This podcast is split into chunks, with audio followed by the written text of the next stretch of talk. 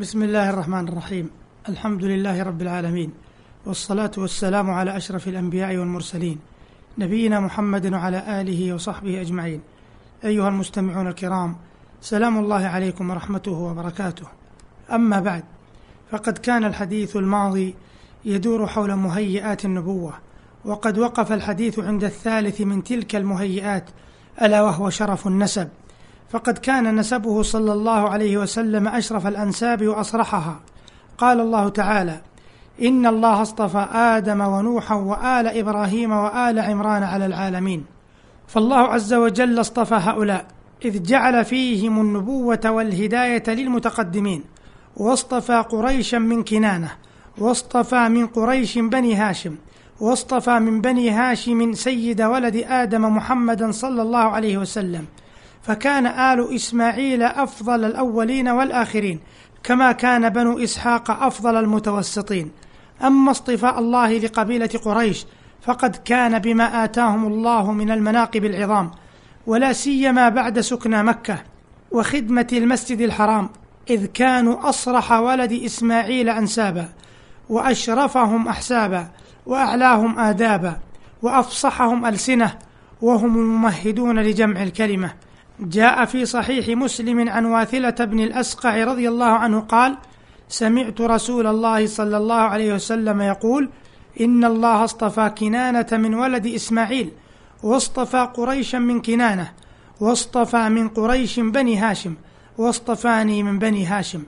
أما اصطفاء الله لبني هاشم فقد كان لما امتازوا به من الفضائل والمكارم فكانوا أصلح الناس عند الفتن وخيرهم لمسكين ويتيم. وإنما أطلق لقب هاشم على عمرو بن عبد مناف لأنه أول من هشم الثريد وهو طعام لذيذ للذين أصابهم القحط. وكان يشبع منه كل عام أهل الموسم كافة. ومائدته منصوبة لا ترفع في السراء ولا في الضراء. وزاد على هاشم ولده عبد المطلب جد الرسول صلى الله عليه وسلم.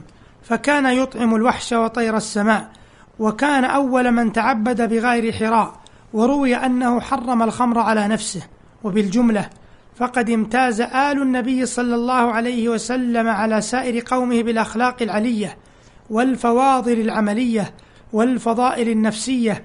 ثم اصطفى الله محمدا صلى الله عليه وسلم من بني هاشم فكان خير ولد آدم وسيدهم. رابعا من مهيئات النبوة بلوغه صلى الله عليه وسلم الذروة في مكارم الأخلاق. فقد جبله الله عز وجل على كريم الخلال وحميد الخصال. فكان قبل النبوة أرقى قومه بل أرقى البشرية في زكاء نفسه وسلامة فطرته وحسن خلقه. نشأ يتيما شريفا وشب فقيرا عفيفا ثم تزوج محبا لزوجته مخلصا لها. لم يتولى هو ولا والده شيئا من أعمال قريش في دينها ولا دنياها ولا كان يعبد عبادتهم ولا يحضر سامرهم ولا ندواتهم ولم يؤثر عنه قول ولا عمل يدل على حب الرياسة أو التطلع لها وكان يعرف بالتزام الصدق والأمانة وعلو الآداب فبذلك كان له المقام الأرفع قبل النبوة حتى لقبوه بالأمين.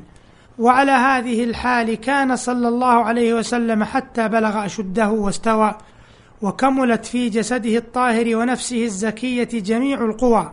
لا طمع في مال ولا سمعة ولا تطلع إلى جاه ولا شهرة حتى أتاه الوحي من رب العالمين كما سيأتي بيانه بعد قليل. خامسا من مهيئات النبوة كونه صلى الله عليه وسلم أميا لا يقرأ ولا يكتب. فهذا من أعظم المهيئات والدلائل على صدق نبوته. فهذا الرجل الأمي الذي لم يقرأ كتابا ولم يكتب سطرا ولم يقل شعرا ولم يرتجل نثرا الناشئ في تلك الأمة الأمية يأتي بدعوة عظيمة وبشريعة سماوية عادلة تستأصل الفوضى الاجتماعية وتكفل لمعتنقيها السعادة الإنسانية الأبدية وتعتقهم من رق العبودية لغير ربهم جل وعلا كل ذلك من مهيئات النبوة ومن دلائل صدقها. سادسا كونه نشأ في مكة المكرمة. تلك البلدة الطيبة التي اختارها الله لأول بيت قام في الأرض لتوحيده والعبادة الخالصة والنسك السليم. قال الله عز وجل إن أول بيت وضع للناس للذي ببكة مباركا وهدى للعالمين.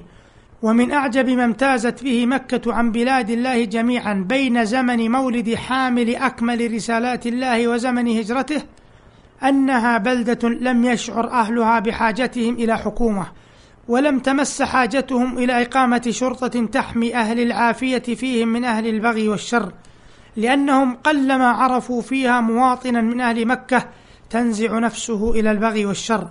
وأكثر ما كان يقع فيهم الباطل أن يمطل المدين دائنه في وفائه ما في ذمته له. فكان يستعين عليهم بأهل العافية فيحصل منه على حقه بلا حاجة إلى قضية أو محكمة. ولأجل هذا انعقد في بيت وجيه من وجهاء مكة وشريف من أشرافها وهو عبد الله بن جدعان التيمي من أسرة أبي بكر الصديق حلف اشترك فيه طائفة من أهل الفتوة والمروءة في قريش وتعاقدوا على ألا يجدوا بمكة مظلوما من أهلها أو من غيرهم ممن دخلها من سائر الناس إلا قاموا معه وكانوا على من ظلمه حتى ترد عليه مظلمته.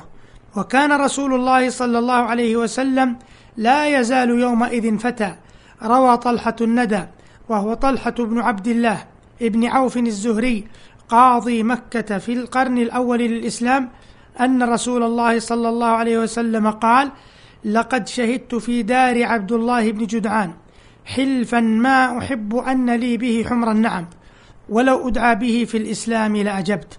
أيها المستمعون الكرام هذه بعض مهيئات نبوة نبينا محمد صلى الله عليه وسلم قبل بعثته وبهذا ينتهي وقت هذه الحلقة. والسلام عليكم ورحمة الله وبركاته.